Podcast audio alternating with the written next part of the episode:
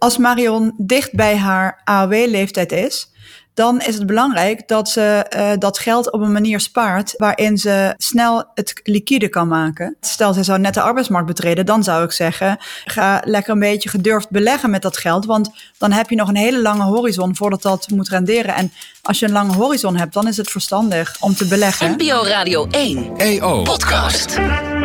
Geld of je leven? De vraag van vandaag. Met Sandra Flippen, Sander Heijnen en Hans van der Steeg. We gaan naar Marion. De AOW-leeftijd, uh, zegt Marion, gaat in 2028 verder omhoog. Is het verstandig om extra pensioen te sparen? Zo kan ik wellicht toch wat eerder stoppen met werken. En zo ja, hoe doe ik dat dan het beste? Dus we gaan er maar even vanuit dat zij iets eerder wil stoppen met werken. Waar moet ze haar geld stallen? Nou, volgens mij is deel 1 van de vraag: is het verstandig om extra geld te sparen? Ja, dat is natuurlijk altijd verstandig. Het is uh, zeker, we zien nu dat de overheid op steeds meer vlakken een stap terug doet. Hè, of het nou gaat om zorg of uh, wanneer met pensioen kan, allerlei andere zekerheden. Dus het is altijd goed om eigen geld te hebben, zodat je wat onafhankelijker bent van, uh, van politiek beleid, dat toch grillig is. Vaak. Dus, dus daarom is het altijd verstandig. Ja, hoe je dat het beste doet, het is heel flauw om die meteen naar Sandra door te kaatsen. maar ik ga het toch gewoon proberen. Ja, nee, maar dat, hoe je dat het beste doet, denk dat extra geld sparen is denk ik wel afhankelijk van de leeftijd van uh, Marion. Als Marion dicht bij haar AOW-leeftijd is, dan is het belangrijk dat ze uh, dat geld op een manier spaart uh, waarin ze um, snel het liquide kan maken. Um, maar als zij, uh, als zij net op de arbeidsmarkt bijvoorbeeld is, wat ik niet vermoed, want de meeste mensen denken dan nog niet na over dit soort vragen. Maar als zij net, stel zij zou net de arbeidsmarkt betreden, dan zou ik zeggen, ja, ga, um, ga, ga, lekker een beetje gedurfd beleggen met dat geld, want dan heb je nog een hele lange horizon voordat dat moet renderen. En als je een lange horizon hebt, dan is het verstandig om, um, om, om te beleggen.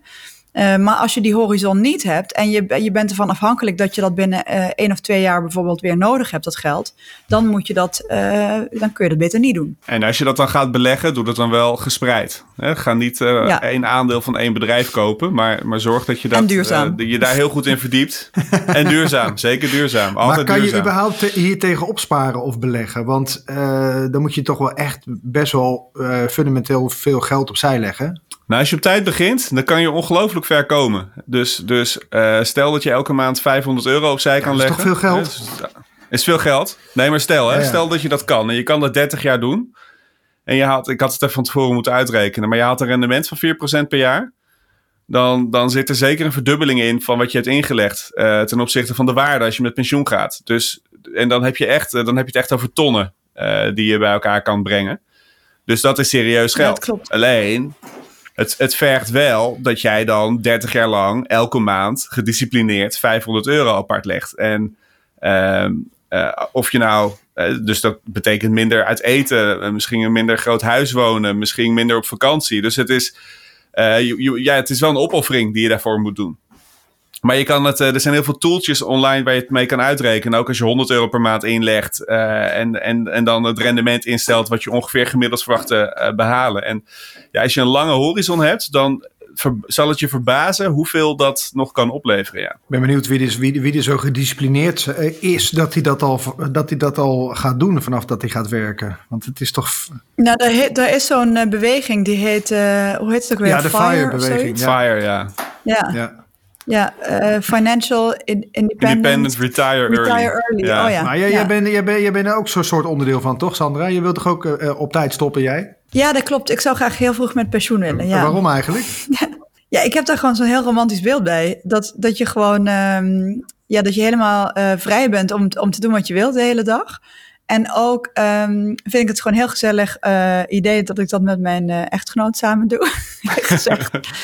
En, um, en het lijkt me ook, ik, ik, ja, ik ben een van de weinige mensen op middelbare leeftijd die, die, um, die zich heel erg op pensioen kan verheugen. Omdat ik denk, ja, dan heb je zeg maar uh, je carrière uh, heb je gedaan, zeg maar. En dat lijkt mij dus een heel bevredigend gevoel. Dan heb je het van je to-do-lijst af, je carrière. Ja, ja dan, dan kan je dat gewoon, dat is, heb je dan gewoon achter je.